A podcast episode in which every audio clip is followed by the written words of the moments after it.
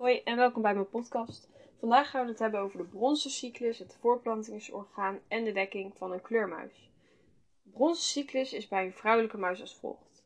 Nadat ze ongeveer 12 weken oud zijn, kan ze drachtig worden en ze is dan om de 4 tot 6 dagen bronzig. Ze laat dit merken doordat ze wat drukkiger zal zijn en wat meer springerig zal zijn. Ze zullen in die 4 tot 6 dagen ongeveer 13 uur vruchtbaar zijn. En omdat de muis totdat ze ongeveer 1 zijn drachtig kunnen worden, zullen ze in totaal ongeveer 46 tot zelfs 70 keer bronzig kunnen zijn. Omdat een nest krijgen ongeveer 4 weken in beslag neemt, kunnen ze rond de 10 keer een nest krijgen. Dit is natuurlijk wel erg slecht voor de gezondheid. Maar ondanks dat ze het hele jaar zwanger kunnen worden, zijn het wel summerbreeders. Dus in de natuur zul je voornamelijk zien dat ze in de zomer nestjes krijgen. Het is daarom verstandig om het niet uh, te koud te laten worden op de kamer en te zorgen dat het boven de 22 graden is. Een mannelijke muis is vanaf 8 weken klaar om te dekken. Hij zal dit doen door de vrouw achterna te jagen als zij via haar geur heeft laten weten dat ze bronzig is.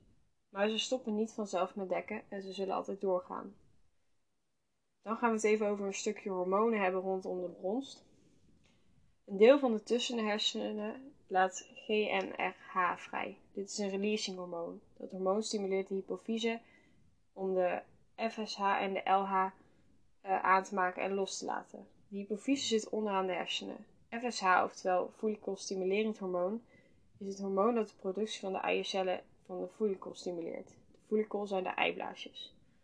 Doordat het FSH-hormoon de productie van de zaadcellen stimuleert, uh, LH, oftewel litricerend hormoon, zorgt ervoor dat de hormonen testosteron en oestrogeen worden gestimuleerd. Bij een vrouwelijke muis zorgt het ervoor dat de eiblaasjes rijpen en dat er een ijsprong plaatsvindt. Bij een man komt er testosteron vrij. Dit is een hormoon dat vrijkomt als de man gaat dekken, stimulerende de geslachtsdrift en het toriëtaal gedrag.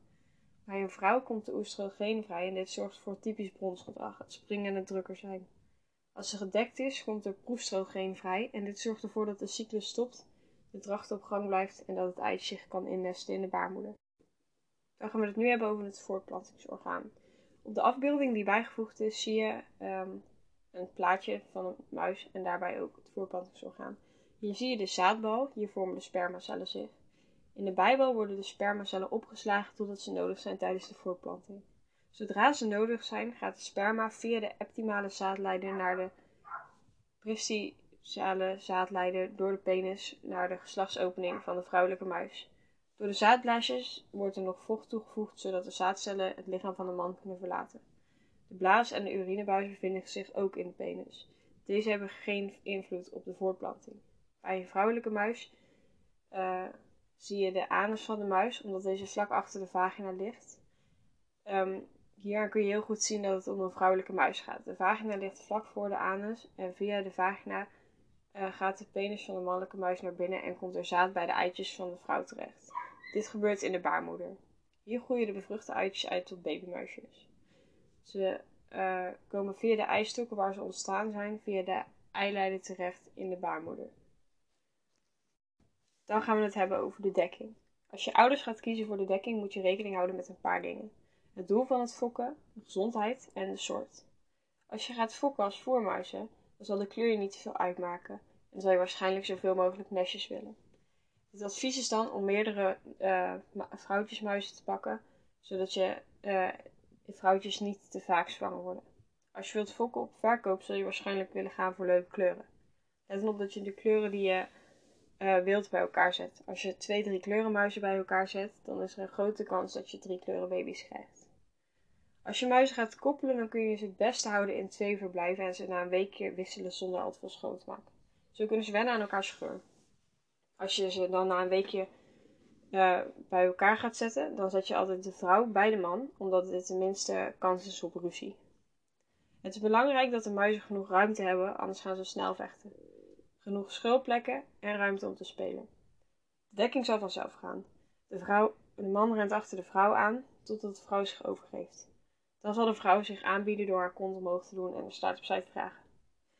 Zo kan, je de man, uh, zo kan de man er makkelijk bij en dan zal de dekking plaatsvinden. Dit proces zal zichzelf vaker herhalen en binnen 10 dagen zal ze waarschijnlijk zwanger zijn. Uh, je kunt zien dat de dekking is gelukt als er een wit puntje aan de buitenkant van de vrouwelijke muis zit bij de vagina. Hierbij zal ik ook een afbeelding toevoegen.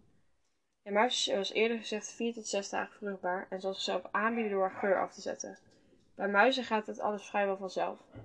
Dus pas goed op, want een vrouw kan na de geboorte ook meteen weer vruchtbaar en bevrucht worden. Uh, het kan ook gebeuren dat als je de uh, babymuizen te lang laat zitten bij elkaar, na vier weken, dat de um, broertjes de zusjes gaan dekken en eventueel ook hun moeder gaan dekken. Dat is niet goed voor de gezondheid van de jongen die daaruit voortkomen. Let daarom op dat dat niet gebeurt. Dit was de podcast. Um, ik heb nog twee volgende delen waarbij u alles leert over de geboorte en over de opvoeding en opfok.